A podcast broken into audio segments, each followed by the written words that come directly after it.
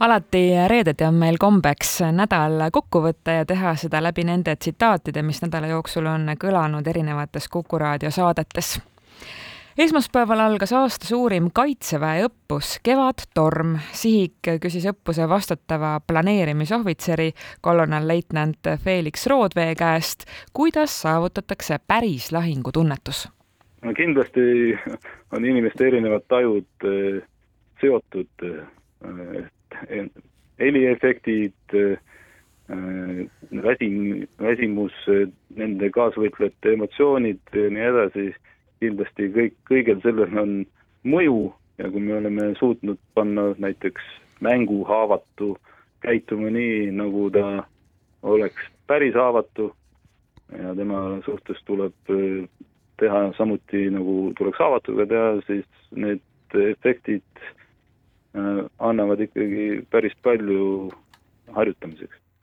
riigikogus toimuv on tekitanud küsimusi Eesti poliitilise kultuuri kohta. värske riigikogulane Karmen Joller rääkis sihikus, kuidas tema hetkeolukorda näeb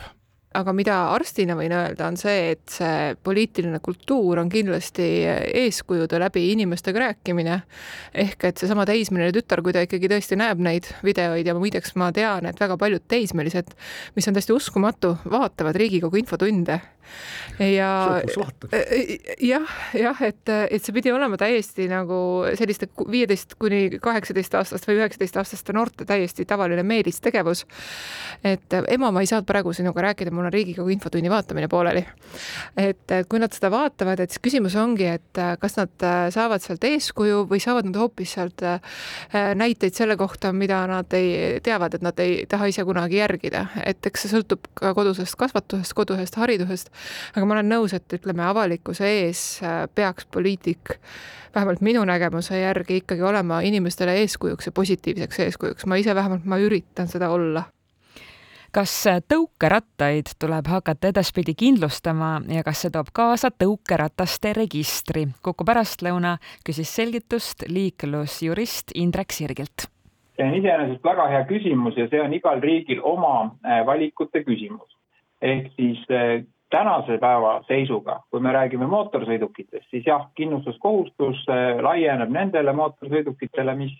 mis on registrisse kantud. Ja siin näiteks toimus oluline muutus aastal kaks tuhat üksteist, kui, kui seati registreerimise kindlustamiskohustus ka mopeedidele, varem seda ju ei olnud. ehk siis üks tee tõepoolest kontrollida seda, et see konkreetne kergliikur on kindlustatud, on ka seada neile registreerimiskohustus ma isiklikult loodan, et riik seda teed ei lähe, sest see on väga suur halduskoormus ja, ja väga suured kulud nii riigile kui tegelikult nende sõidukite omanikele, et, et hakata neid siis eh, ükshaaval registreerima, kuhugi neile numbrimärke panema ja nii edasi. mida on küll riigil plaanis ja mis, eh, mis seaduseelnõu on menetluses, puudutab neid renditõukerattaid ja nendele on ette nähtud liiklusseaduse juba plaanis olevate muudatustega selline registreerimise nõue, et, et nad peavad olema vähemalt selle rendileandja poolt registreeritud ja mingisuguste identifitseerimistunnustega ka, ka kaetud, et saaks aru, milline konkreetne sõiduk siis eh, meil seal parasjagu liikluses osaleb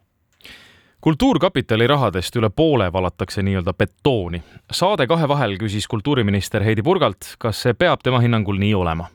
et äkki peaks ikkagi mõtlema niimoodi, et, et noh, praegu eriti kui meil ei ole eelarvet Kultuuriministeeriumi poolt vaadates, et see kultuuripoliitikat võiks ikkagi muuta, rohkem anda,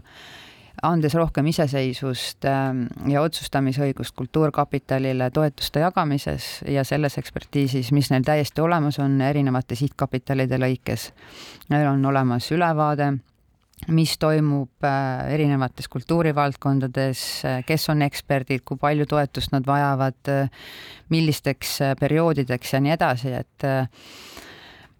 ma võin siinkohal küll öelda, et mina soovin praeguse Kultuurkapitali nõukogu juhina seda, seda protsendi teemade debatti avada, et, et kas see kuuskümmend koma neli betoonile on õigustatud, et,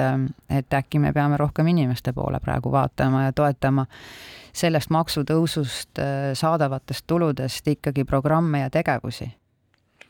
sel nädalal algas Prantsusmaal Cannes'i filmifestival. kuidas on festivalil esindatud Eesti film, rääkis Kuku pärastlõunale Eesti Filmi Instituudi juht Edith Sepp. tegelikult Eestil on üks suur boks, kus siis kõik tootjad on koos ja levitajad ja need, kes siis omavad nende filmide õigusi ja nad püüavad tõepoolest siis leida